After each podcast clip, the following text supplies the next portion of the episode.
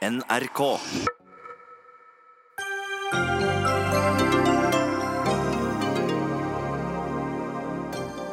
Det er ingen krise i luftambulansen i nord, mener tre anestesileger som jobber i luftambulansen i Bergen.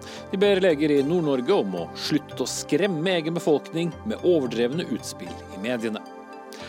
Avinor sponser utenlandske flyselskap for at de skal fly direkte til Norge. I klimakrisens tid er dette helt uakseptabelt, mener SV, som vil at ordningen stanses umiddelbart.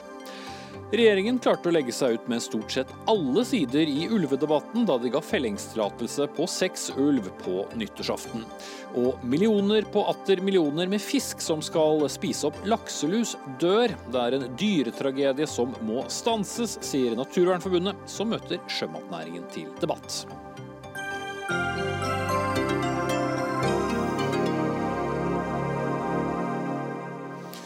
Så vi God kveld og velkommen til Dagsnytt 18 anno 2020. Jeg heter Espen Aas.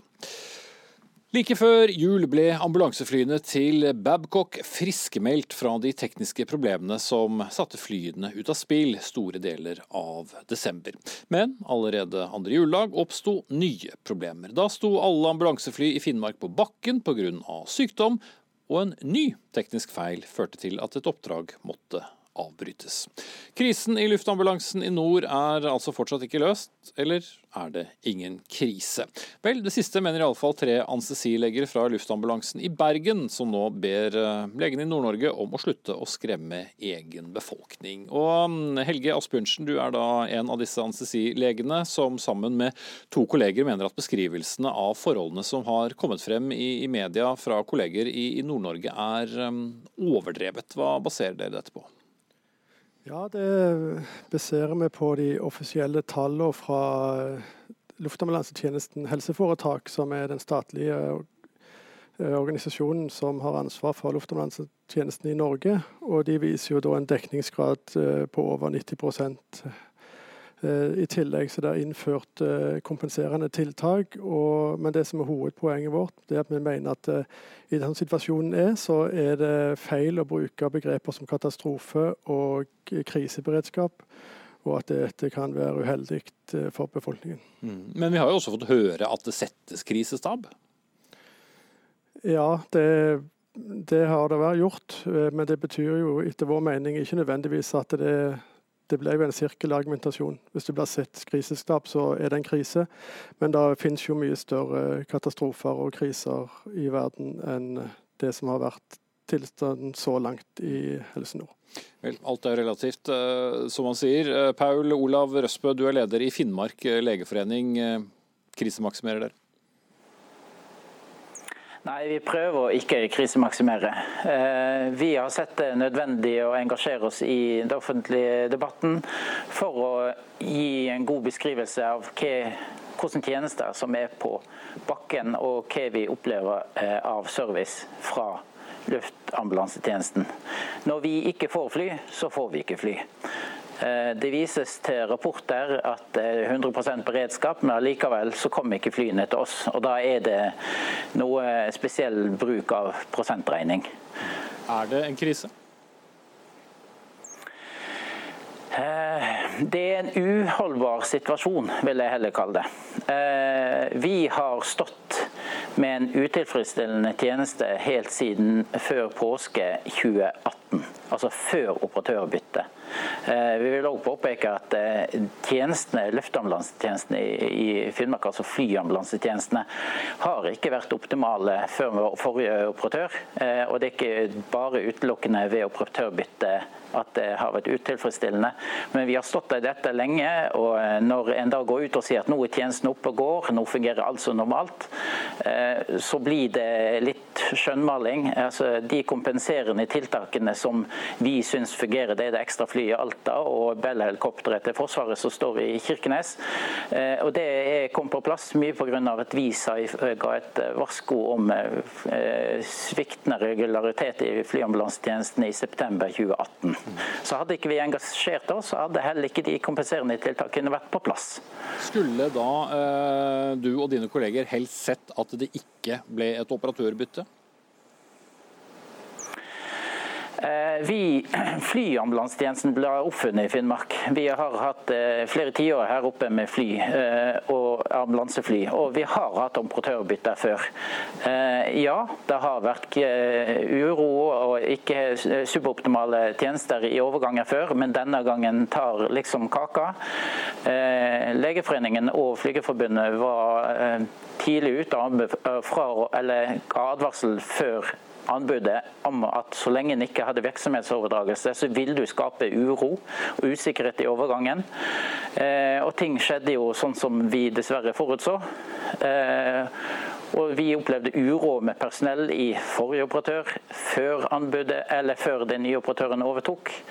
Eh, nye operatøren har hatt problemer med å få nok personale, og har òg hatt utfordringer med tekniske løsninger. De har ingen hovedservice i eh, Tromsø med eh, nok eh, teknisk personal. De har heller ikke reservelager for men, utstyr. Men som, som, Asbjørnsen påpeker, så har de da en, en tilgjengelighet på, på 91% Det er ikke det samme som, som 100, men hvor ille er det? Altså, det er jo ingen som forventer 100 det er, du vil, Uforutsette tekniske ting skjer, f.eks. det som skjedde med motor og propell. Eh, det ville jo skjedd uansett hvilken operatør som hadde drevet det. Hadde staten eksempel drevet det, så hadde de sannsynligvis hatt de samme flyene og opplevd de samme utfordringene. Eh, men eh, det som, det som, kanskje er forskjellen med prosentregning nå og tidligere, for det første er kontraktene etter hvert som de har gått, så har det vært satt høyere krav til tilgjengelighet. Altså kravene er skjerpa.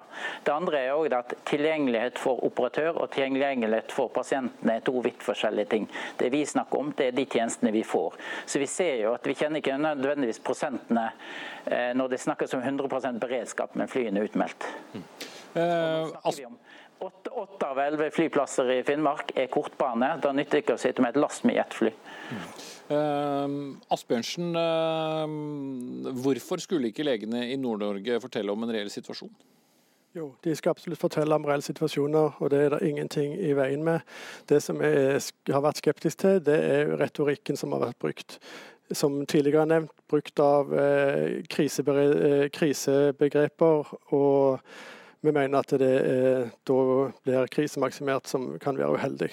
Men de skal absolutt eh, uttale seg i media, men på et eh, korrekt og mer saklig grunnlag til beste for pasientene. Mm. Men dere er jo begge to leger, hvordan kan dere ha så forskjellig syn på det?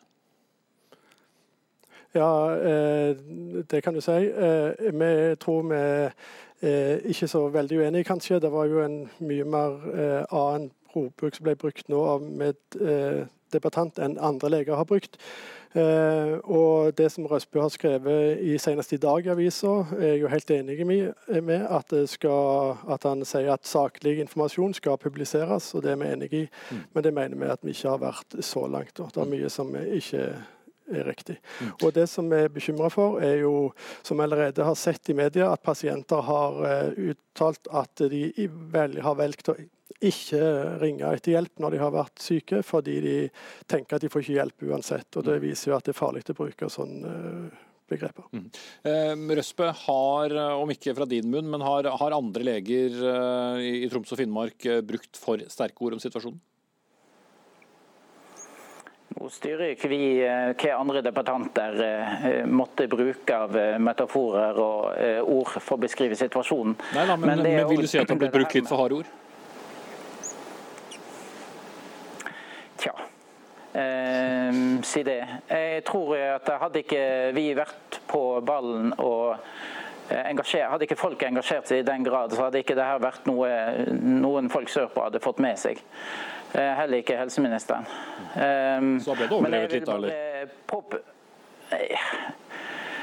Ja, eh, kall det hva du vil. Jeg tror det er likevel lurt å belyse saken. Er litt å påpeke, det som forskjellen fra sør og nord, det er at hvis vi ser på statistikk for flyambulansetjenesten, nå snakker vi om fly. Eh, I Sør-Norge så er det to til fire oppdrag i året der altså, pasienten blir syk hjemme i sin kommune, bestilles av en allmennlege, altså en fastlege ute, legevaktslege, får pasienten på sykehus. Det skjer to til fire ganger i året i Sør-Norge. I Nord-Norge så skjer det 1500 ganger i året. Altså Her oppe er det legevaktslegene som bestiller fly. Dette er den eneste transporten vi har. Vi har ikke så veldig mye andre transporter i en del situasjoner når det haster. Ok, Jeg vil bare gå videre i panelet her. Beklager at jeg må avbryte deg der, eh, Røsbø. Eh, Hans Trygve Holm, du er redaktør i avisa Nordland og har skrevet at media har løpt i flokk i dekningen av eh, denne situasjonen. Hvordan skulle denne saken i så fall vært dekket? Jeg syns det er en god start vi har i dag. Jeg syns legen fra Finnmark legeforening gjør en mye bedre figur nå enn en del av hans kollegaer har uttalt seg ved å skremt de fleste som er omtrent i Finnmark. Mm. Siden avstand har vært et problem, vært et tema, så kan jeg jo si at uh, jeg er jo finnmarking sjøl. Jeg har et Tromsø-skjerf hengende i åpent kontorlandskap her i Bodø. Så jeg kjenner jo landsdelen litt, jeg også. Mm. Men du har skrevet at uh, noe av denne kritikken mot, uh, mot uh, luftambulansen har bundet i en partipolitisk agenda. Hva mener du med det? det er jo, helse er jo politikk. Og jeg føler jo at Men er det partipolitikk? Ja, det har vel egentlig blitt det. For nå har man En ting er at du får flyene til å gå. Det er jo det som er alfa og omega. Så Babcock har jo ikke levert det de skal gjøre, ifølge kontrakt fra dag én av.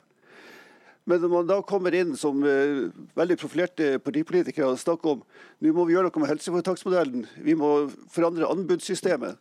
Altså Det som trengs er ro omkring selskapene, at alle partene jobber for å få flyene i lufta i kveld og i natt og i morgen tidlig.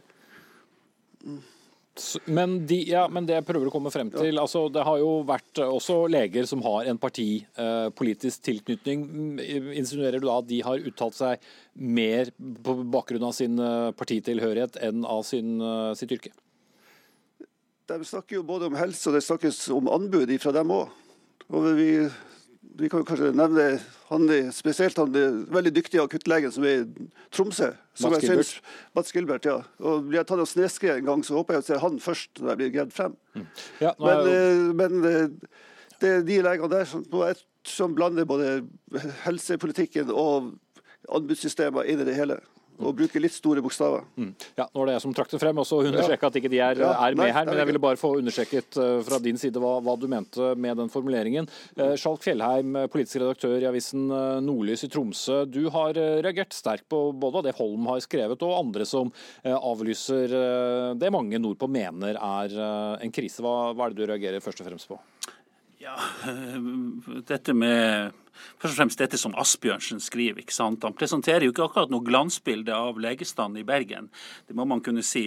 Når du sitter trygt og godt midt i en storby eh, sør i Norge og går til angrep på, eh, på eh, de opplevelsene som folk i Finnmark har, og kaller dem for innbilt, fremstiller det som om opplevelsene ikke er ekte. Eh, og, eh, og, at han i tillegg eh, da skaper et inntrykk av at leger som har holdt på på Finnmarkskysten i 25-30 år, ikke vet hva de snakker om. Altså, jeg har lyst til å spørre Asbjørnsen, Var det ikke en indre klokke som ringte hos deg før du satte deg ned og skrev dette? Noe som sa da at dette bør jeg faktisk ikke skrive, fordi at det er, et, et, et, det er nesten for dumt altså, å komme med slike angrep på kolleger 2500 km unna der du sjøl sitter. Mm. Asbjørnsen.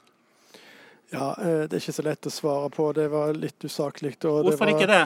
Jo, det er et enkelt spørsmål. Jo, men uh, det er jo ikke det vi har skrevet, det som han sier der. Uh, du skriver at det er ikke noen krise, skriver du. Ja, det, det finnes ikke, ikke, noen krise? Nei, Jeg sier at de ikke skal bruke krise- og katastrofeberedskaper. Det har vært en del utfordringer, men det er ikke noe til grunn på kriseberedskap. La meg ta f.eks.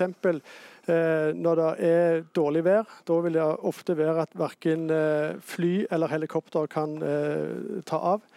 Og I de situasjonene så blir det jo ikke satt for krisestab og blir brukt samme begreper. Så når det er virkelig ingen som kan eh, eh flytjenester som kan gjøre noe, så blir det ikke brukt de begrepene som vi har oppfatta. Men, men, men, eh, når det har vært en på 90 så blir det brukt. Og vi ser at det skremmer pasienter. Ja. Helse Nord har satt krisestab i desember.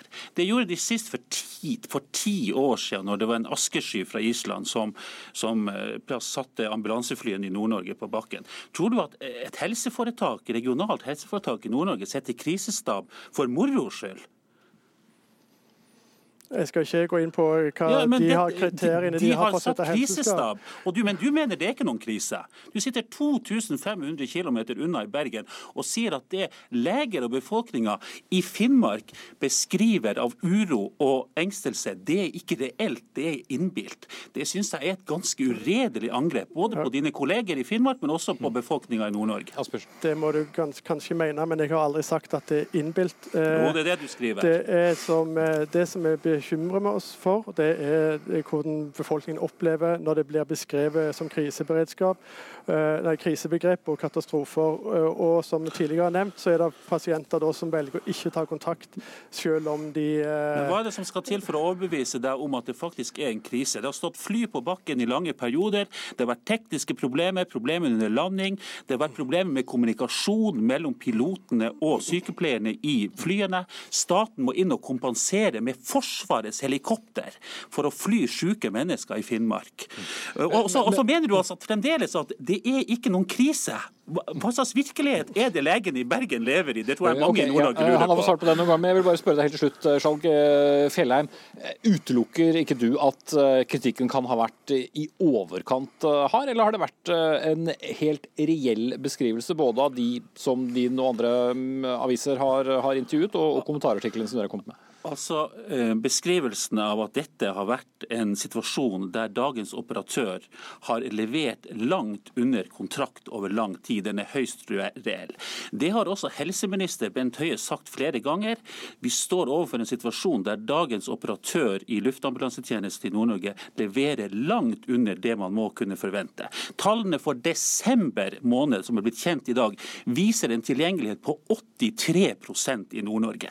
Det er langt under de kravene man setter til denne type kontrakter. Og det kan jo ikke være slik at tilbydere i et marked skal få, tilby, skal få sikre seg kontrakter til 2,6 milliarder kroner, og så må staten inn og kompensere og betale dobbelt i ettertid. Det er jo det som burde bekymre anestesilegen i Bergen og også redaktører mye lenger sør i, i landet. Der eh, setter jeg dessverre strekk. Nå har vi eh, snakket om den saken i nesten 17 minutter. Takk til Skjalg Fjellheim, politisk redaktør i Nordlys, Hans Trygve Holm, redaktør i avisa Nordland. Fra Alta hadde vi Paul Olav Røsbø, som er leder i Finnmark legeforening, og med oss fra Bergen, Helge Asbjørnsen, som er anestesilege. Dagsnytt 18 alle hverdager klokka 18.00 på NRK P2 og NRK2. Det skal eh, for så vidt fortsatt handle om eh, luftfart, men eh, av en litt annen type. For, for at flere utenlandske flyselskap skal opprette direkteruter til Norge, så har Avinor hatt noen ganske ja, hva skal jeg si, fete gulrøtter å lokke med. For det statleide Avinor har nemlig på fem år brukt 330 millioner kroner på støtteordninger bl.a. for å hjelpe utenlandske flyselskap med å kunne etablere nye ruter til norske flyplasser. I tillegg deler Avinor ut bonuser dersom et flyselskap kan vise til at de har passasjervekst på disse rutene. Og Lars Haltbrekken, stortingsrepresentant for eh, SV, du har eh, reagert på denne eh, praksisen. Hvordan vil du karakterisere den? Jeg vil karakterisere det som regelrett eh, sponsing av eh, forurensning. Og i klimakrisens eh, tid, hvor vi ser alvorlige branner i Australia, hvor vi i Norge for andre dag på rad i det nye året setter varmerekord i Møre og Romsdal, så er det på høy tid at vi får en slutt på at eh, Avinor sponser konsekvens av flyrutene det er ikke, men det er en direkte konsekvens av de enorme CO2-utslippene som eh, vi har, og som må kuttes. Eh, Og I lys av dette så mener vi at det er på høy tid at eh, Avinor avslutter disse bonusprogrammene. Avslutter sponsing av forurensning. Hvis de ikke gjør det frivillig, så får vi fra Stortingets side be regjeringa om å instruere dem. Og denne regjeringen har flertall i Stortinget. Helge Orten, du er stortingsrepresentant fra regjeringspartiet Høyre. Er det bra at Avinor sponser eh, nye flyruter eh, til Norge? Jeg tror du skal nyansere dette her litt. fordi eh, altså, Graden av sponsing kan jo sikkert diskuteres. fordi eh, i ukas... Vi gir jo penger. eller altså, ja, vi gir jo jo, det, det er for så vidt en slags bonusordning, men samtidig så er jo det knytta til at, eh, at en da på sikt vil få avgiftsinntekter fra samme flyselskapene ikke sant, ved at det flyr til og fra Gardermoen. Mm. Men det blir flere men, flyruter? Ja, men så er det sånn at da er det jo et spørsmål hvis disse flyrutene likevel blir etablert til f.eks. mellom Asia og Europa, da, så kan jo kanskje være et, en, et poeng i seg sjøl at vi prøver å få flest mulig direkteruter fra Norge til disse her destinasjonene. Og det, det tror jeg kan være Direkterute er jo mindre forurensende enn om vi skal da ha flere mellomlandinger ikke sant, på veien til, til, målet. Eh, det er det ene poenget. Det andre er jo at eh, det er jo positivt for konkurransekraft, verdiskaping i Norges land at vi har direkteflygninger til destinasjoner der ikke det finnes alternativ til fly når det gjelder transport. Men det betyr også økte utslipp? Det, det, kan det gjøre, men ikke nødvendigvis i den forstand at eh, hvis likevel, eh, flyruten likevel har blitt etablert til Europa, men på en annen flyplass enn Gardermoen, så vil jo det, betyr jo ikke dette her så, så mye i den store sammenhengen. Mm. Er det bedre om flyene stopper i Stockholm, og at vi må dit for å ta fly til Kina eller til København? Nei, Eh, det er det ikke, men eh, det er ikke sånn at vi bør betale eh, flyselskap for å opprette nye flyruter. Det bidrar til å øke trafikken, det bidrar til å øke utslippene. Og i klimakrisens tid så bør vi bruke pengene våre mer fornuftig enn som så. Og 330 millioner som da er brukt i løpet av de siste fem årene, er faktisk ganske mye penger.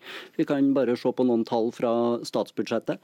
Eh, det er tre ganger det regjeringa har tenkt å bruke til å kutte utslippene fra skipsfarten eh, neste år. Det er fire ganger det regjeringa har tenkt å bruke på å flytte gods fra lastebiler over på eh, tog neste år. Og 330 millioner kunne ha gitt oss kanskje så mye som 10-11 sovevogner i Norge. Og vi vet jo at sovevognkapasiteten er sprengt. Og det trengs mer satsing på tog, ikke mer satsing på forurensende flytrafikk. Ja, Morten, Man kan vel ikke nødvendigvis flytte de pengene direkte fra Avinor og til uh, tiltakene til, uh, til SV, men, men, bare prinsippet uh, med at det brukes da penger for å fasilitere, da, om du vil, utenlandske flyselskap til å anlegge direkteruter til Norge. Mm. Men altså, I utgangspunktet så vil jo dette, en del av, veldig mye av det kommer i form av avgiftsreduksjoner. ikke sant? Du gis rabatt i en innledende fase for at du heller skal fly til Gardermoen eller f.eks. eller en annen for så vidt flyplass i Norge heller enn til, enn til Stockholm, København eller en annen europeisk flyplass. Men jo, det betyr, da får staten færre inntekter, jo, men og det er jo samme som vi ja, Alternativet er at du ikke flyr dit i hele tatt. Så har vi ingen inntekter. sånn at det, det kommer litt an på hva alternativet er. Altså, det som, er, det som jeg tror er greit å ta med seg, er altså hvis du gir rabatt på avgifter i en innledende fase for å få disse flyene til å lande i Norge heller enn en annen, på en annen europeisk flyplass, så betyr det at du på sikt skaffer Avinor flere inntekter og ikke mindre inntekter. sånn at eh, grad, Hvor stor grad dette her kan kalles en subsidie eller en støtte, det, det er faktisk en interessant diskusjon i seg sjøl. Jo, men også er det da belønning hvis et utenlandsk flyselskap faktisk har en passasjervekst, altså flere flyr ja. til eller fra uh, Norge. Mm. Er det bra? Ja, det kommer litt an på. fordi Hvis den flygninga, den ruta den går der og den har en belegg på 50-60% men du kanskje kan bidra til at den får 70-80-90% belegg, så er jo det positivt hvis du ser på utslippet per passasjer. Mm, så bør fly mer? Nei, men altså poenget er at hvis, hvis, det, hvis det i utgangspunktet finnes en rute, og det, det er den måten vi kan ha en kommunikasjon f.eks. til Asia, da, det er ikke så veldig mange alternativ hvis du skal reise langt.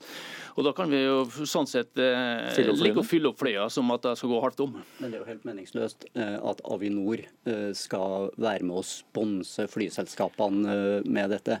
Og det kom jo også en offentlig utredning rett før jul under ledelse av tidligere konsernsjef i Avinor, Sverre Kvale, som anbefalt nettopp at Avinor kvitta seg med disse bonusprogrammene, fordi at det var sponsing av forurensning. Det var ikke akkurat de ordene han brukte, men eh, det var jo det som var begrunnelsen. Og så eh, er det sånn at Avinor burde ha brukt disse pengene, disse 330 millionene, på å få fortgang i elflysatsinga i Norge. Du brukte det til andre ting i stad. Ja, men? Så, eh, det som de kan gjøre, det som du kan over natta gjøre, er å flytte disse pengene internt i Avinor til å bruke dem på elfly. Eh, og Men de har det jo ikke før du og jeg er pensjonister. Jo, det har du. Rolls-Royce som har lagt utviklingslaboratoriet sitt for elfly eh, til Trondheim. Eh, har eh, sagt at eh, rundt midten av 2020-årene så kan du ha kommersiell drift av elfly på kortbanenettet i Norge. Ja, men ikke som erstatter utenlandske flyselskap, som er det vi snakker om her.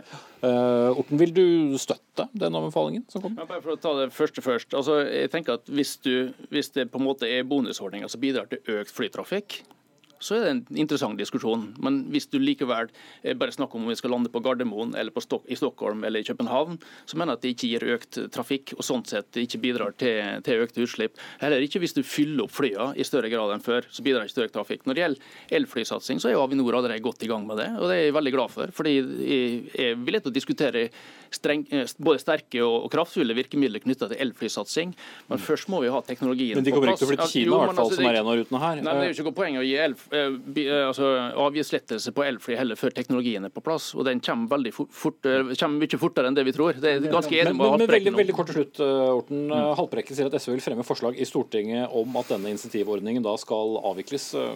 Vil du stemme med? Nei, nå, først og fremst så tror jeg det er viktig at vi nå, nå NOU-en ble jo lagt fram før jul. Nå er den ute på høring. Jeg tror vi skal gjøre lurt i å få en helhetlig gjennomgang av det før vi på en måte konkluderer med virkemidler. Det, Pleier du ofte å stemme med opposisjonens forslag? nei, det er kanskje ikke noe uvanlig å lagt oss til. Men, eh, nei, men uansett så tror jeg det er fornuftig når vi nå har NOU på, på bordet. fordi det ligger veldig mange andre tiltak i den NOU-en som er interessante å se på, knytta til både klima og til, til en del andre grep knytta til luftfarten. Ok, Takk til eh, Helge Orten fra Høyre og Lars Haltbrekken fra SV.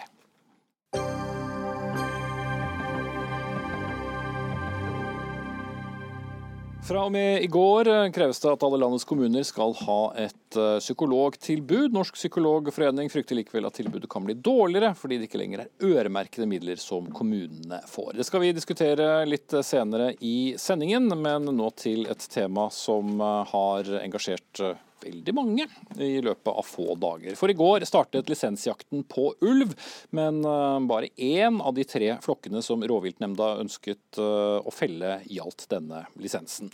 Så sent som nyttårsaften kom faktisk eh, beskjeden fra regjeringen om hvilke ulv som kunne tas ut, og dette har skapt reaksjoner både hos miljøorganisasjoner og hos jegere. Og vår miljø- og klimaminister Ola Elvestuen skal få svare på dette om litt, men først skal vi til deg, Sandra Borch stortingsrepresentant for Senterpartiet. Du mener at denne beslutningen er en eh, trenering av både demokrati og ulveforvaltning. Hvordan da?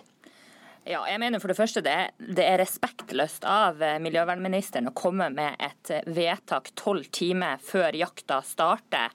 Her er jegere som har jobba hele vinteren med å brøyte opp skogsbilveier, kartlagt ulv og til og med tatt seg fri fra jobb, og så kommer han med vedtaket i bokstavelig talt i tolvte time. Det mener jeg er respektløst overfor de som frivillig driver med jakt, og ikke minst de som bor i ulvesona. Mm. Men uh, folk hadde vel knapt drukket ferdig morgenkaffen før fire ulv var felt, så de gjorde vel det du ønsket? Eh, vi skal være glad vi har effektive jegere. Eh, samtidig så er jo vi uenig i det vedtaket regjeringa har kommet med. Vi mener at eh, to flokker til burde tas ut, skytes, fordi at vi er langt over bestandsmålet på, på ulv. Og det har vi vært nå i mange år, og vi ser at Elvestuen og regjeringa ikke evner til å gjøre noe som helst for å få ned bestanden. Det er ikke noen lovhjemmel for det, skriver de. Det er det, fordi at eh, Stortinget har vedtatt i et forlik at eh, vi skal ha fire til seks eh, ynglinger i Norge, både norske og, og grenserevir. Nå har vi ligget langt over den bestanden i mange år, så det er hjemmel for å ta ut ulv. og Det har det også vist seg i sommer med det store skadepotensialet som ulven har hatt. Klima- og miljøminister Ola Elvestuen fra Venstre. Ja, jeg kan begynne å spørre deg hvorfor dette vedtaket kom på årets uh, siste dag. Vi ventet jo et uh, vedtak uh, helt siden før jul. Kunne det ikke kommet tidligere?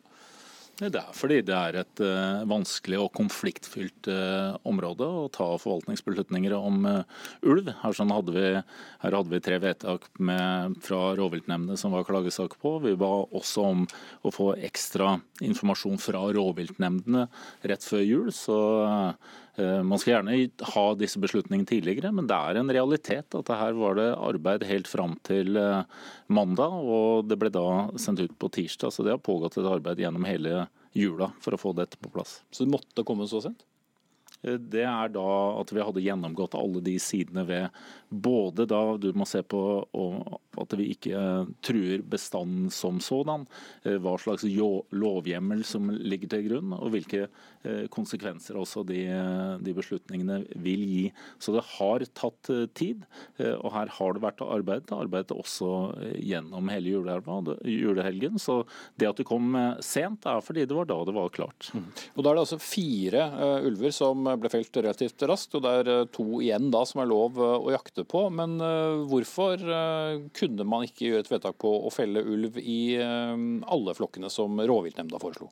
Det er fordi det, at eh, det er ikke lovhjemmel for å ta ut de to eh, andre flokkene. og Når vi går inn i da rovviltnemndas begrunnelse, så har vi også måttet se på det som er eh, rovviltnemndenes sekretariats begrunnelse på denne ene flokken som det er tillatelse for. Og vi har også sett på da innstilling fra Stortinget når de har gjort når flertallsvedtaket på ulv med fire til seks ynglinger. og Da er det en avveining da hvordan man skal følge opp bestandsmålet også da innafor det som er naturmangfoldsloven og, og eh, Bernkonvensjonen, så finner vi at for denne ene flokken så er det en lovhjemmel. Ok. Espen eh, Farstad, du er informasjonssjef i Norges jeger- og fiskeforbund. Dere har også reagert på at denne avgjørelsen kom eh, ja, nærmest i tolvte time. Hadde det mye å si? Ja, det har veldig mye si. Altså, det, er, det, er, det, er, to ting her, bare for å ha sagt det. Det ene er på en måte selve vedtaket, som vi kan diskutere etterpå, hva, hva man liksom ender på. Det andre er prosessen rundt dette her. sånn.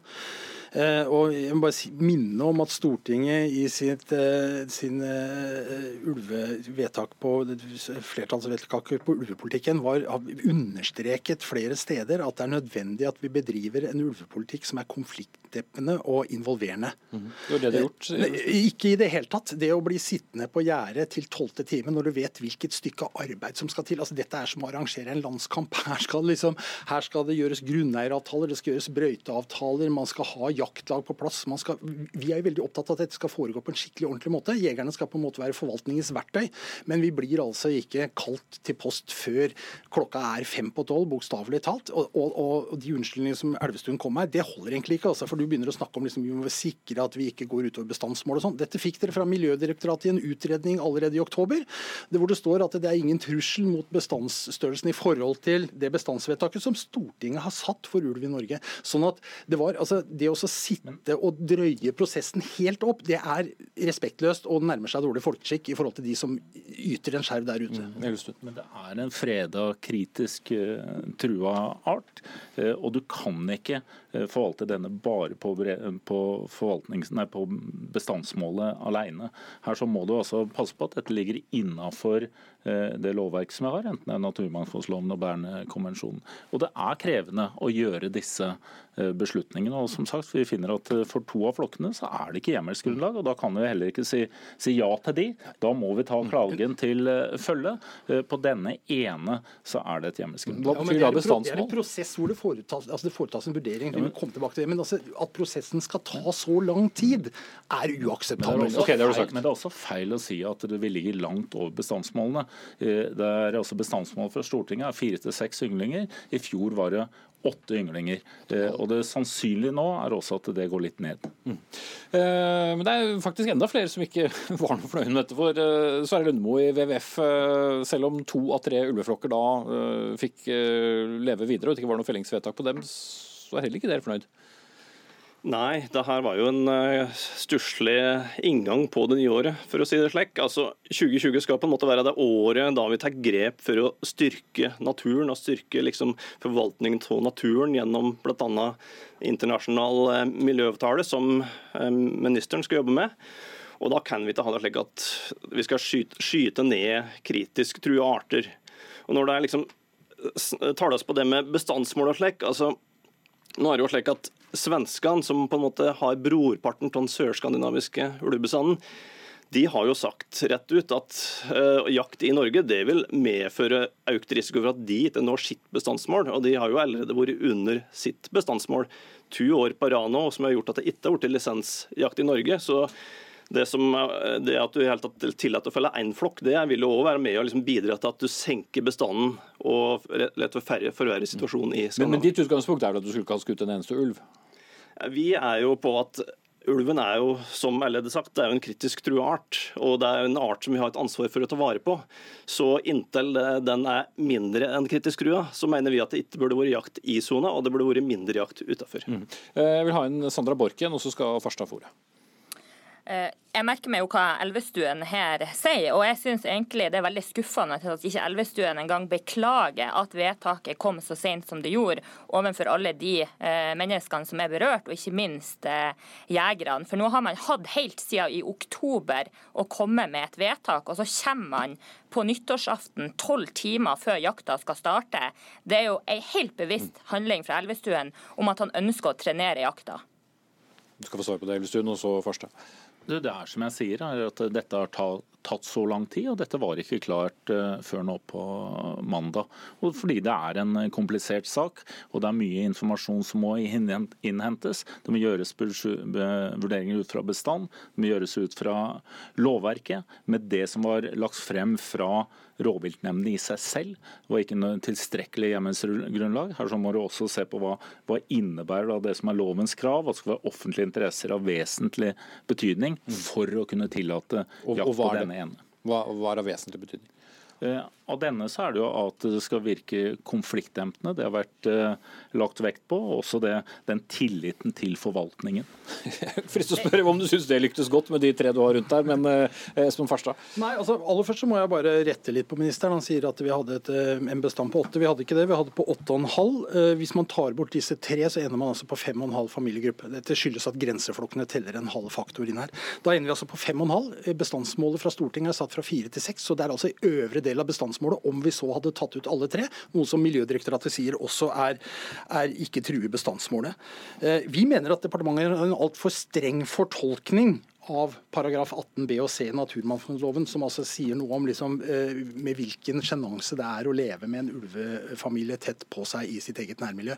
Og Den fortolkninga, eh, kombinert med litt for liten kunnskap om jakt med hund og en del sånne ting med direkte feil, så, så, mener vi at resultatet her blir feil. De kunne godt tatt ut disse tre. Det hadde ikke trua bestandsmålet, og man kunne funnet den samme skjønnsmessige vurderingen og begrunnelsen på Mangen og de andre flokkene som du, dere gjorde på Letjenna. Men hvilken konsekvens får det da at disse to uh, ulveflokkene får leve? Det, det, vi får, er at vi får en, en situasjon at de som lever innenfor ulvesonen, og som da ikke blir hørt med sine bekymringer. altså Gjennomgående liten respekt for det som folk gir uttrykk for. Da oppstår en slags reservatfølelse. Det sa Stortinget eksplisitt at det skulle vi ikke ha. Vi skal ha en høyere terskel for å felle på innsida av ulvesona, det er vi enige om. Men det skulle ikke være til hinder for å kunne ta ut innafor sona. Elvestuen.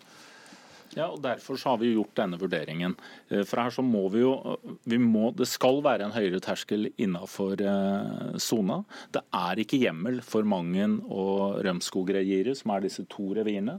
Den ene av dem er også et, en henstilling fra, fra, Sverige om at vi ikke skal ta det ut, fordi det er et grenserevir, noe vi også har lagt vekt på. Og det er, og det er sånn, Hva skal være offentlige interesser av vesentlig betydning, og vurderingen av det, når dette jo er flokker hvor det er ingen skadepotensial. Det er altså ikke, noen, det er ikke noe fare for at det, er, eh, at det er noe beitedyr som vil kunne bli tatt av dette.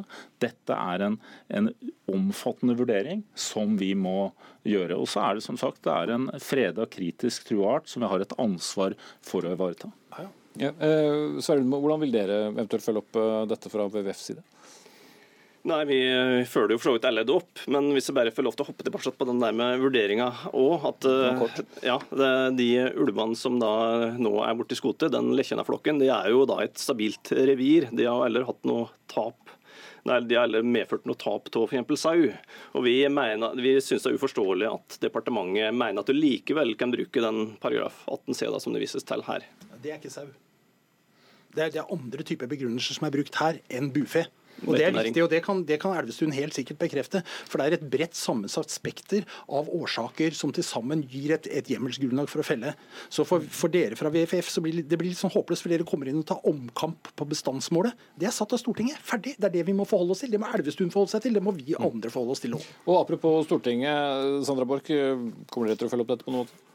Ja, det er klart at eh, vi kommer til å følge det opp. Eh, vi kommer til å komme med forslag i Stortinget, for vi mener at her er det gjort et, eh, et feil vedtak. Vi mener at det er hjemmel for å kunne ta ut de tre flokkene som rovviltnemnden har gjort en grundig vurdering på at må tas ut for å komme ned på bestandsmålet. Mm. Tenker du på den saken som avsluttet nå, Elvestuen? Som jegerne sa i går, så har man jo da tatt ut lederne i flokken, og jobben er da gjort? Eller er den, må de også de to siste ulvene tas ut? Departementets vedtak er endelig, men vedtaket går på inntil da seks dyr på denne flokken. Så de to siste vil også bli felt. Her pågår det sporing eh, nå. og Det er også av dyreektiske årsaker så er det riktig å ta beslutning på hele flokken. Når du gjør en beslutning på det, så vil alle måtte bli tatt ut. Hvilken konflikt fikk du dempet med dette vedtaket? du vet, Alt som har med rovdyr er det mange konflikter eh, ved. Eh, og jeg tror vel at det her er det kritikk fra de som ønsker at vi skal ha mindre ulv i Norge, og det er kritikk fra de som mener at vi skal ha mer ulv i Norge. Det jeg må passe på, er at vi følger opp det som er Stortingets vedtak, både med ønske på bestandsmål, skal man mene om ulike meninger om det er for lavt eller ikke, men jeg må følge det som er der, samtidig som vi også må følge opp det som er våre vært internasjonale forpliktelser i Bernkonvensjonen om å følge naturmangfoldsloven. og Da har vi gjort en balansert beslutning ut fra det. Mm. Med tre mot deg her i studio i hvert fall, men vi skal stoppe der, får dere ta den på, på vei ut. Takk til klima- og miljøminister Ola Elvestuen fra Venstre, Sandra Borch, stortingsrepresentant fra Senterpartiet, Espen Farstad, informasjonssjef i Norges jeger- og fiskerforbund, og Sverre Lundemo i WWF. Hør Dagsnytt 18 når du vil. Radio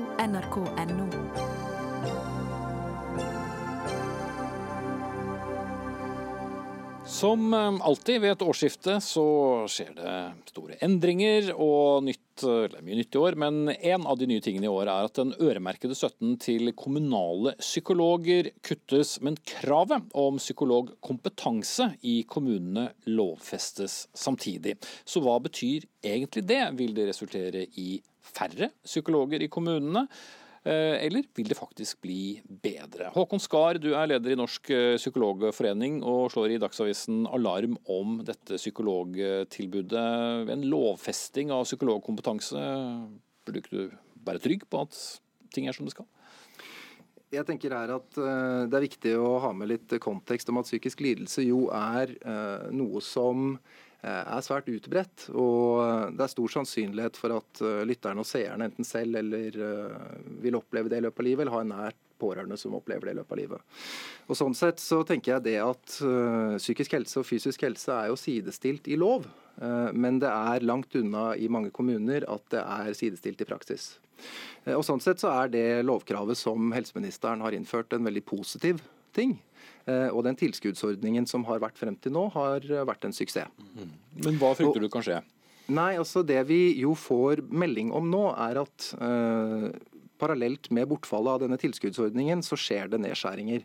Og um, vi er opptatt av at denne tilskuddsordningen er jo bare en del av en større helhet. Og um, Det som jo er viktig, er at befolkningen har et likeverdig tilbud når det gjelder psykisk helse som fysisk helse. Mm. Og De tilbakemeldingene vi får nå fra flere kommuner hvor det kuttes i psykisk helsetilbud til befolkningen, når vi vet fra før at det er langt fra sidestilt med det tilbudet som er i fysisk helse, det mener vi er grunn til bekymring. Så du mener at det går galt før det egentlig har trådt i, fast, trådt i kraft? Jeg mener at det er grunn til bekymring basert på den utviklingen vi får beskjed om igjen.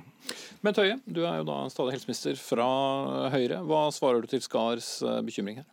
For det første er jeg jo helt enig i at det, altså hele bakgrunnen for at, at eh, vår regjering har satsa så mye på å få sykler i kommunene, er jo nettopp at vi mener at psykisk helse er noe vi alle har.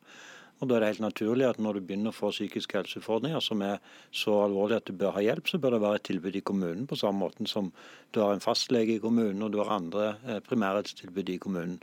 Og Derfor har vi jo nå kommet til en situasjon der vi har nå, eh, Vi starta med, med, 130 psykologer i kommunene, og nå har vi over 600. Og Så lovfester vi kravet nå fra nyttår av. og Da er det ikke sånn at vi kutter disse pengene. Det er feil. Vi overfører pengene til kommunene, så kommunene får beholdt disse pengene, men vi øremerker de ikke lenger. Mm. Men Hvilken fordel er det å ikke øremerke pengene, hvis du som helseminister er så opptatt av et godt uh, psykologtilbud i alle landets kommuner? Hvorfor ikke fortsatt uh, ha en lapp på pengene som sier at de skal gå til akkurat det? Rett og slett fordi at uh, da hadde vi ikke hatt muligheten til å ha hatt selvstendige kommuner i Norge. fordi de aller fleste tilbudene i kommunene har en bygd opp gjennom øremerka midler. Når oppbyggingsperioden er over, en innfører et lovkrav, så fører en pengene over i kommunens ramme.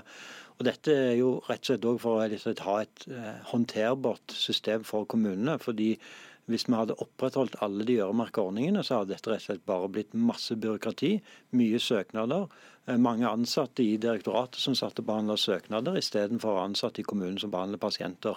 Så, så, Det er jo alltid sånn at når vi starter en sånn ordning, så er en organisasjon som Psykologforeningen veldig for at vi har øremerka midler i oppbyggingsfasen. Og så er alle enige om at de skal vekk når dette er bygd opp. Men når vi da har bygd opp, så er alltid en uenig i at ordningen fjernes. Men i sum så går rett og slett ikke det regnestykket opp. Men du stoler ikke på kommunene, Skar? Jeg tenker det at øh øremerkede midler eller tilskuddsordning, eh, det er ikke nødvendigvis hvilke tiltak uh, som skal brukes, som vi er opptatt av. Vi er opptatt av at befolkningen skal kunne få det tilbudet som de er i behov av. Um, og Når det gjelder det å stole på kommunene, så tenker vi at kommunene står i en vanskelig situasjon når de, hvor de må prioritere mellom ulike tilbud. Og Vår frykt er at psykisk helse skal være en av de tilbudene som taper i den interne dragkampen. Selv om det er lovfestet? Selv om det er lovfestet. fordi det er her vi må gå inn på at det å ha en lovfestet psykolog eller en lovfestet psykologkompetanse er ikke det samme som å ha et tilstrekkelig psykisk helsetilbud. Eh, sånn at eh, Vi har for eksempel, jeg kan bruke et konkret eksempel hvor det er seks kommuner som har gått sammen om å dele på én psykolog. Og Det å da kunne si at befolkningen i de seks kommunene har et psykologtilbud, det mener jeg ikke stemmer. Mm. Men det å bygge opp robuste psykisk helsetjenester på uh, innenfor kommunen, det tenker jeg er det sentrale her. Hva er, psykolog, hva er psykologkompetanse? Nei, det er rett og slett at Kommunen må ha en eh, psykologkompetanse tilgjengelig i en kommune. De må ha ansatt uh, psykolog. Og så er det riktig som du er inne på at noen av kommunene i Norge er så små at de vil aldri ha mulighet til å tilby en 100% stilling som psykolog. Og en utdannet psykolog i dag vil ikke søke på en 10 20% stilling. Så det betyr at det er flere kommuner Eh, er nødt til å gå sammen for å ha en 100% stilling. og Det er også en modell som bl.a. NAPA, som er en av de organisasjonene som jobber sammen for å få til dette, og anbefaler for mindre kommuner. Så Det er det gode modeller for.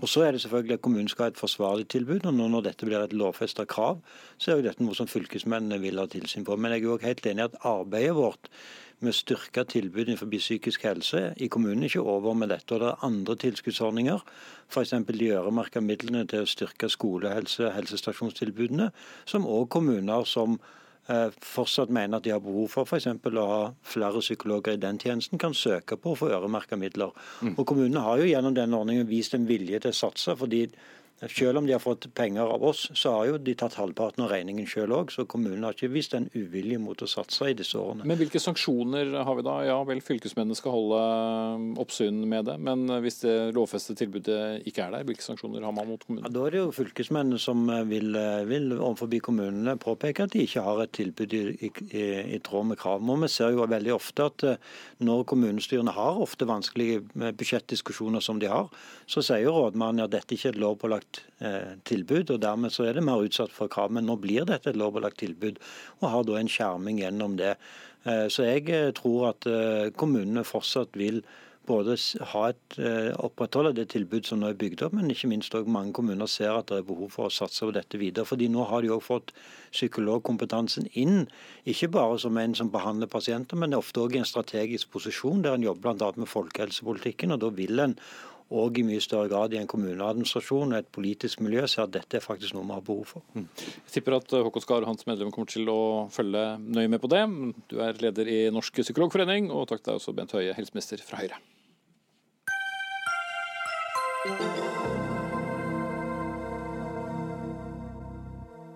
I stedet for å bruke kjemikalier mot eh, lakselus, så har eh, oppdrettsnæringen tatt i bruk det som eh, kalles rensefisk, som da er småfisk som f.eks. rognkjeks, som rett og slett spiser opp lusa.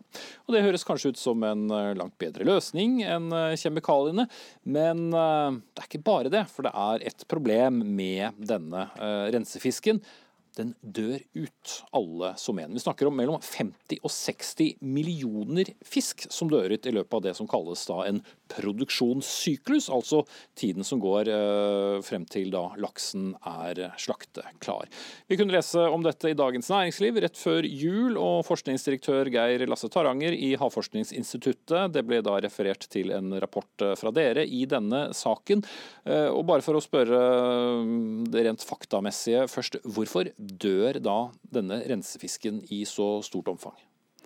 Det er jo det at uh, den rensefisken er ikke så godt tilpasset til å leve i disse merdene som det laksen er. De trenger masse skjul og tåler ikke så sterk strøm, og så får de en del sykdom. Og Man er jo kommet mye kortere med å lage vaksiner og, og kjenner godt til hvordan man skal håndtere denne fisken kontra laksen. Mm.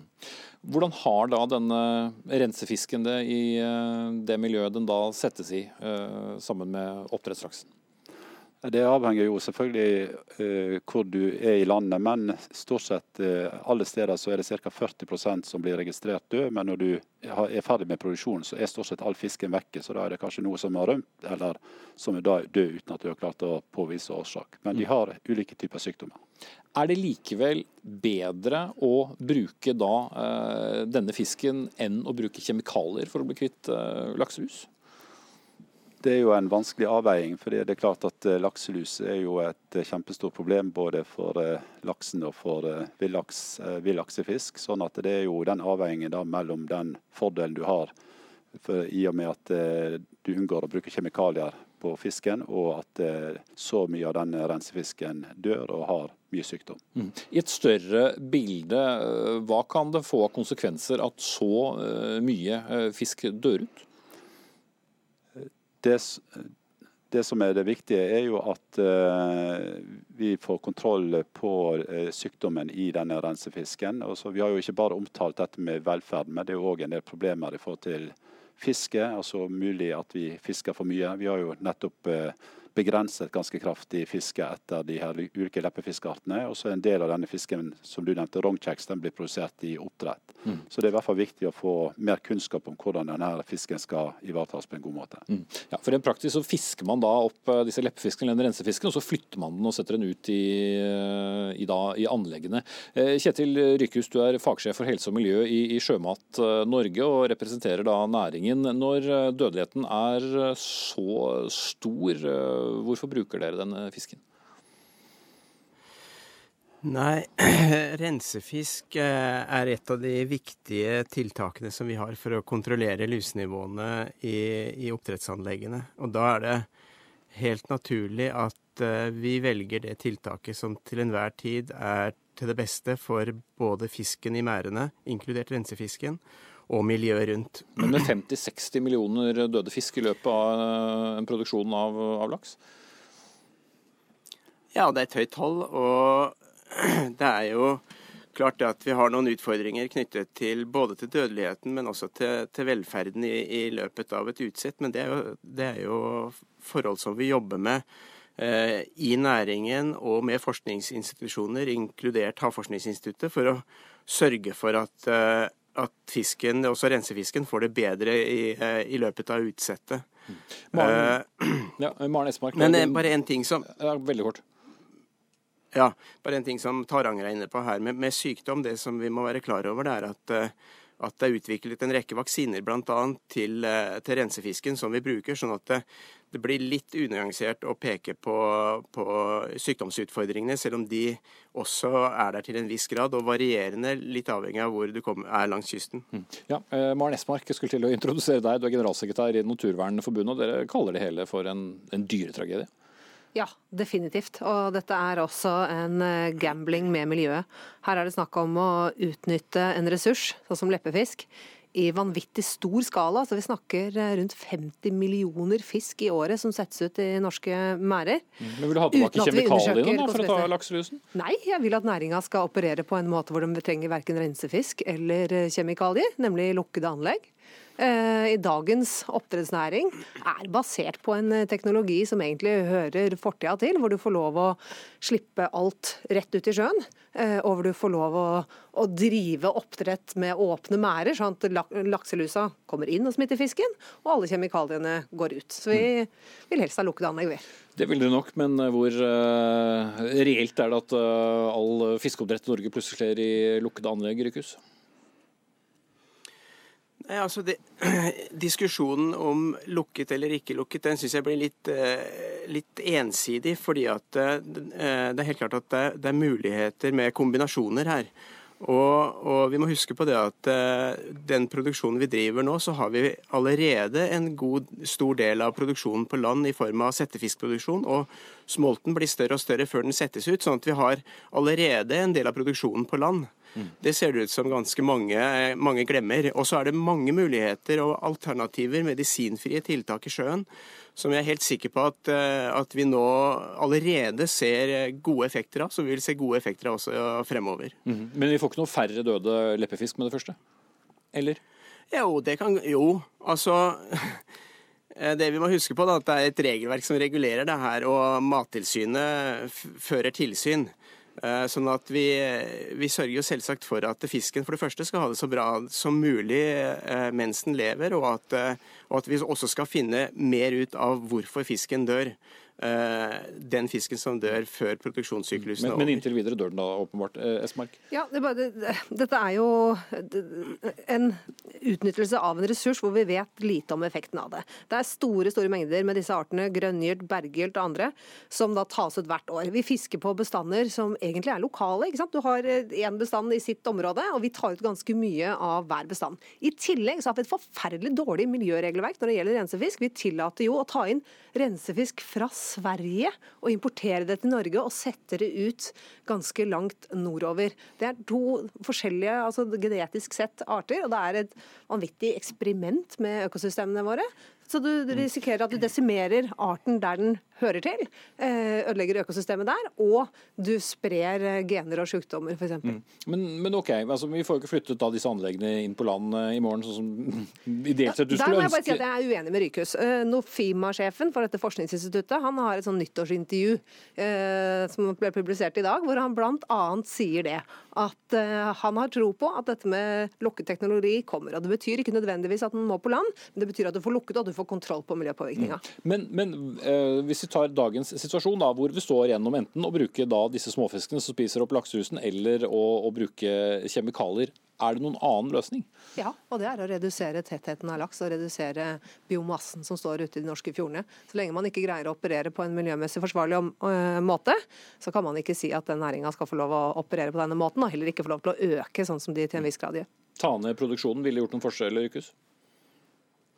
Ja, men nå husker jeg på at Det har ikke vært noen vekst i, i, i produksjonen her de siste fire årene. Men ville dere Eh, sånn redusert at, den for å eh, fått eh, ned Nei, ikke nødvendigvis. Altså det, det som jeg tenker det er at vi må, vi må ha fokus på de forebyggende tiltakene. Og Hvis vi går tilbake ti år og ser på det nasjonale luseprosjektet, så var det Sjømat Norge som tok initiativ overfor Fiskeridirektoratet for å få regulert eh, fiske etter, eh, etter leppefisk og rensefisk. sånn at eh, vi baserer oss på den dialogen vi har hatt med Fiskeridirektoratet, og tro på at de beslutningene som de tar når det gjelder fangst av vill, eh, av vill rensefisk, eh, basert på bl.a. anbefalinger fra Havforskningsinstituttet, at de er, at de er riktige. Når det gjelder eh, import, eventuelt import fra, fra Sverige, så er det gjort risikovurderinger der som, som ligger til grunn for at myndighetene har tillatt det. Mm. Jeg vil ta inn Taranger helt eh, til slutt her. Du har hørt på debatten. Et spørsmål blir jo hvordan man skal måle nytteverdi. Går det an enkelt å gjøre det? Ja, Det er selvfølgelig et eh, vanskelig avveining dette med bruken av rensefisken. Det er jo blitt regnet som en veldig miljømessig god metode, og en god metode for laksen. Og så er det nok eh, det at man er inne i en overgangsperiode der en del av større del av produksjonen kommer til å gå inn i lukkede anlegg for å håndtere lus, men det er mange andre tiltak som er på vei som kan kanskje redusere dette behovet. Så du tror at dette kan løse seg selv? Jeg tror i hvert fall at eh, det må til en kombinasjon med de nye teknologiene. og Det er masse lovende resultater nå i forskningen som jeg tror eh, skal bedre situasjonen i de neste årene. Mm. Og Maren Esmark, er du tålmodig nok til å vente på det? Nei, Jeg tror at vi i løpet av neste stortingsperiode så kommer det til å komme store endringer for hvordan eh, næringa får lov å operere. Og jeg tror ikke lenger norske folk er villige til å la denne næringa tjene så mye penger på fellesskapets ressurser samtidig som de har en negativ miljøpåvirkning, sånn som de har nå. Mm. Det vet dere ikke sikkert ville ha svart på, men tiden vår er uh, ute. Takk til Maren Esmark, generalsekretær i Naturvernforbundet, Kjetil Lykhus, fagsjef for helse og miljø i Sjømat Norge, og Geir Lasse Taranger, forskningsdirektør ved Forskningsinstituttet. Vi er uh, Havforskningsinstituttet til og med. Uh, vi er ved veis ende iallfall. Ansvarlig for sendingen Odd Nytrøen. Teknisk ansvarlig Lisbeth Sellereite. Jeg heter Espen Aas, og vi er tilbake med en rykende fersk sending om bare 23 timer. Takk for nå.